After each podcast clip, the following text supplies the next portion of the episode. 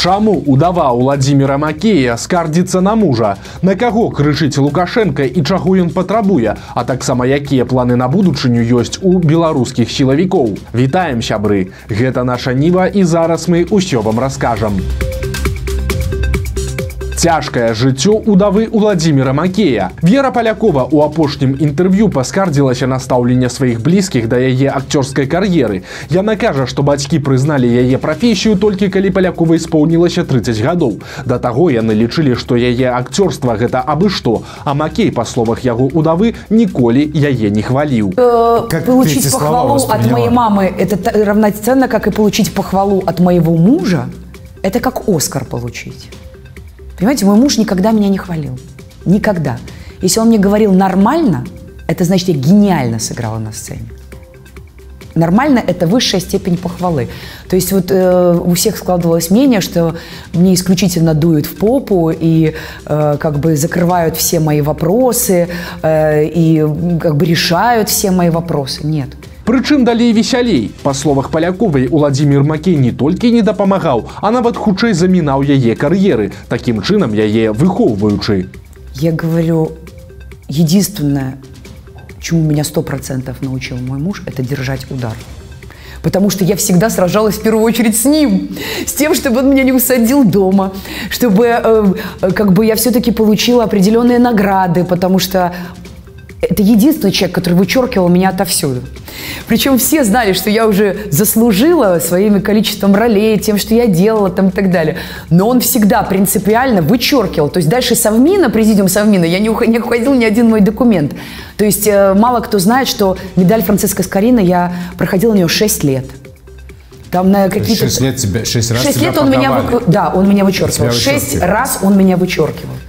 Если он считал, что я не должна участвовать в этом проекте, он мне говорил, нет, ты не будешь в нем участвовать. То есть он исключительно вот как бы всегда делал так, как вот он на данный момент видел и считал нужным. И он говорил, твое время придет. Вот я вижу, я чувствую. То есть он достаточно жестко воспитывал во мне бойца.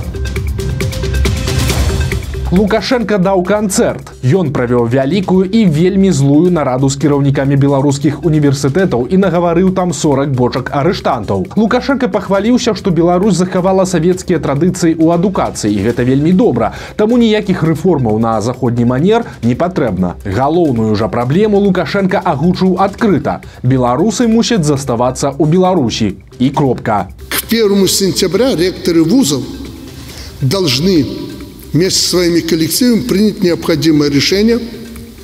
Как результат, качественные выпускники и отсутствие всякого бегства за пределы страны. Ваши выпускники должны четко осознавать и понимать, что наше вузовское образование – в Беларусі лучшее лукашенко нагадаў прысутным вы працуеце на дзяржаву і для дзяржавы таму і рыхтаваць трэба тыя спецыяльнасці якія запатрабаваныя і пакідаць маладых спецыялістаў на працоўных месцах інакш чакайце праблем как вы будете это делать это ваша проблема но до сентября предупреждаю правительство администрацию и министра андрея ивановича мы как по школе соберемся и спросим с каждого. Задачу знаете. Наша молодежь должна учиться и работать здесь. И прекращайте бегать ко мне с какими-то очередными инновациями. Але гэта былі яшчэ кветачкі. Пакуль яго сын Коля вучыўся ў школе, Лукашенко перыядычна абураўся школьнай адукацыяй. Цяпер Коля студэнт. І яго бацька адразу стаў спецыялістам у вышэйшай адукацыі, а таксама філосафам, прычым вельмі незадаволеным па абодвух пытаннях. Учебники. Катастрофа. Совершенно случайно вчера. Я же опять обучаюсь в силу семейного положения. Приносит учебник, смотрю, ну, думаю, дай по своему профилю посмотрю философию.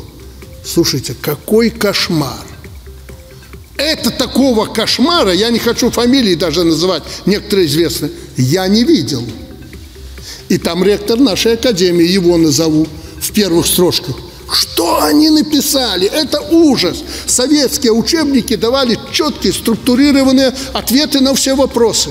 А там такой хлам, ни один студент это не выучит яшчэ одна праблема па словах лукашэнкі гэта любоў да яго сістэмы ён зноў згадаў пратэсты два -го года і амаль адкрыта прагаварыў нязгодных з яго палітыкай ва універсітэтах быць не павінна выкладчыкаў будуць звальняць а студэнтаў вучыць патрыятызму лукашенко абураецца што з апошнім цяпер асаблівыя праблемы маўляў усё робіцца для галачкі а трэба ідэалагічна выхоўваць моладзь Праўда як прымусіць студэнтаў любіць лукашэнку сам ён рэцэпта не даў але прыгразіў ад душы спокойной жизни с сегодняшнего дня у вас не будет. Начинайте вертеться, крутиться,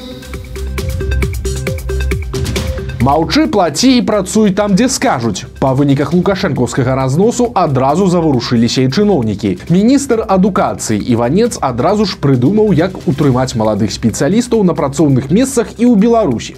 План надзейны і бязлітасны. Цяпер малады спецыяліст можа адкупіцца ад размеркавання пасля вучобы, выплаціўшы кампенсацыю за сваю вышэйшую адукацыю. Сумы залежаць ад універсітэта і спецыяльнасці, але для Беларусі немалыя. Напрыклад, медык павінен заплаціць заплаціць мінімум 60 тысяч рублёў але ж іванец прыдумаў што і гэтага будзе малавата міністр прапануе кратна павысіць суму кампенсацыі для некаторых спецыяльнасцяў і ўвогуле выключыць магчымасць платна адмовіцца ад адпрацоўкі для якіх пакуль не зразумела але цалкам верагодна што першымі ахвярамі такіх навацый стануць якраз такі медыкі бо іх тотальна не хапае і ў вялікіх гарадах і ў райцэнтрах ну і акрамя гэтага іванец прапанаваў старую ўжо ідэю яшчэ больш павялічыць тэрмін ад адпрацоўкі для маладых спецыялістаў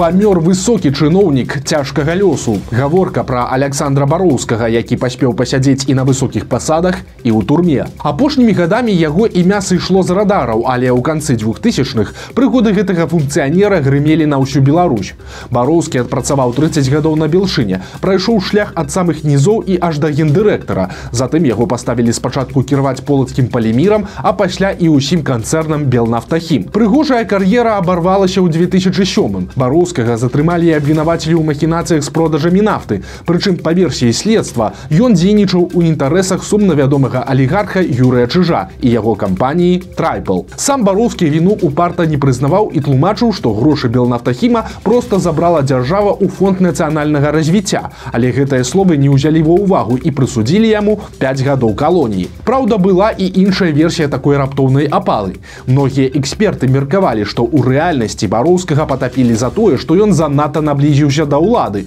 Яго лічылі фаварытам на пасаду прэм'ер-міністра але знайшліся тыя хто не хацеў пускаць бароўскага ў высокае крэсла. Вынікам гэтага і стала яго пасадка. Былы топ-чыноўнік трапіў у калонію роднага бабруйска. Здавалася б звычайная гісторыя збітага лётчыка але яго чакаў яшчэ адзін віраж. У снежні 2008 года лукашенко памілаваў былога чыноўніка. У зняволенні бароўскі правёў усяго паўтара года а гэта менш за траціну ад прызначанага тэрміну тэрміну прычым тады сітуацыі з вызваленнем карупцыянераў былі дзівам гэта пасля іх ужо паставілі на поток яшчэ праз год бароўскага увогуле вярнулі запалы і паставілі кіраваць мазам на новай пасадзе ён адпрацаваў тры гады прычым лукашенко выступаючы перад мазаўскімі рабочымі публічна хваліў бароўскага Цытата. Ваш генеральны дырэктар проста малайчына. Вы ведаеце яго лёс з турмы ў генеральныя дырэктары. Мне няёмка, што ў яго так склалася жыццё, але ён мяне ўразіў. Ён не толькі рэабілітаваўся і паказаў сябе як мужик, але і прынёс шмат карысцей для краіны. Канец цытаты. Александру Бароўскаму было 72 гады.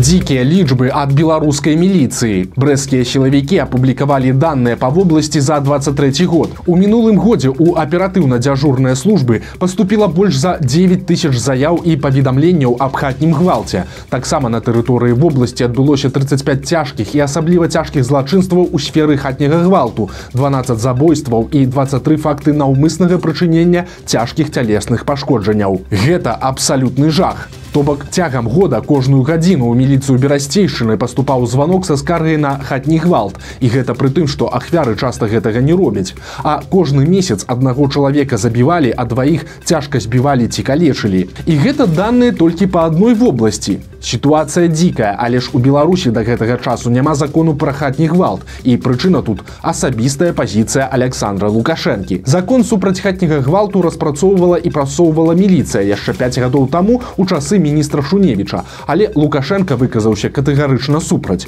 Ён назваў гэта дурасцю і паабяцаў, што такога закону у Беларусі не будзе ніколі. Законы надо. Вот понимаете, где-то кто-то брякнул, о противодействии насилию в семье. Это модная сейчас формулировка на Западе. У них скоро семей не будет. У них уже мужик на мужике женится или замуж выходит, вы это знаете. Детей некому рожать. А мы у них заимствуем какие-то нормы поведения в семье. Поэтому не надо переживать, а то, что люди это обсуждают, и их возмущает глупство некоторые э, проекты закона, я этому рад они еще даже э, обостряя эту проблему, обращают мое внимание на эту проблему. Поэтому будет так, как нужно нам, как выгодно нам, исходя из наших традиций и нашего опыта. Тым часам цяперашні міністр унутраных спраў заняты перад выбарчымі гастролямі. Івана Кубракова адправілі ў турне па Беларусі. Ён ездзіць па абласцях і праводзіць інструктаж сілавікоў перад дэпутацкімі выбарамі. Сутнасць простая: рыхтавацца да магчымых праблем і не дапусціць пратэстаў, а таксама забяспечыць недатыкальнасць тых, хто будзе гэтыя выбары фальсіфікаваць. Праўда, самы цікавы факт пра сілавікоў і выбары агучыў намеснік Кубракова Мікалай Карпянкоў. Ён пахваліўся, што калі раптам падчас выбараў пачнуцца нейкія народныя хваляванні, то да іх падаўлення гатовыя падключыцца вагнераўцы, якія застаюцца ў Беларусі. Чарговага беларуса затрымалі за дыверсію ў рассіі. ФСБ заявіла, што 26гадовы грамадзянін Беларусі падпаліў электрападстанцыю ў тулі па заданні украінскіх спецслужб. Гэта адбылося 6 лютага, але менш чым праз тыдзень хлопца знайшлі і схапілі. Цяпер беларус знаходзіцца пад вартай. Яму пагражае дзікі тэрмін да 20 гадоў пазбаўлення волі. Новая схема падману беларусаў. Цяпер медыкі. Раней людзям званілі і прадстаўляліся работнікамі банкаў альбо сілавікамі. Вы, напэўна, ўжо чулі не адну такую гісторыю. Зараз жа схема разводу стала іншай і нашмат больш складанай. Аферысты збіраюць у інтэрнэце адкрытыя даныя аб работніках мясцовай медыцынскай установы, а затым ствараюць ад іх імя фэйкавыя аккаунты ў месенджеры. Прасцей кажучы, чалавеку раптам пішу ў месенджеры яго доктар з паліклінікі, пытаецца пра тое сёе, а затым пераводзіць размову на нейкія праблемы і раіць звязацца з міліцыяй міліцыі. Пасля чалавеку звоніць ужо міліцыянт. Ну а далей як звычайна. Грошы ў небяспецы, іх трэба перавесці на іншы рахунак, ну і гэтак далей. Само сабою і доктар і міліцыянт ашуканцы. Так што будьце уважлівыя, калі прадстаўнікі нейкіх дзяржаўных структур раптам звязваюцца з вами праз тэлеграм, вайбер ці іншыя месенджеры, бо хутчэй за ўсё гэта будуць махляры. А беларуская кампанія Марк Фармель выпустила падвойную кофту для закаханых. Ці як называе гэта сам вытворца абдымальна прымірэнчы джемпер. Выглядае навінка вось так, але ў продаж праўда не паступіць. Яе разыграюць сярод падпісчыкаў у сацсетках кампаніі. Што рабіць у звычайным жыцці з такім джемперам не вельмі зразумела, але каб пафоткацца са сваёй каханай самае то. Вось такія навіны аўторка. Подписывайтесь на канал, ставьте лайки альбо дизлайки и выказывайте за уваги у комментарах. И, конечно, читайте нашу Ниву, глядите нашу Ниву и любите Беларусь. До встречи завтра.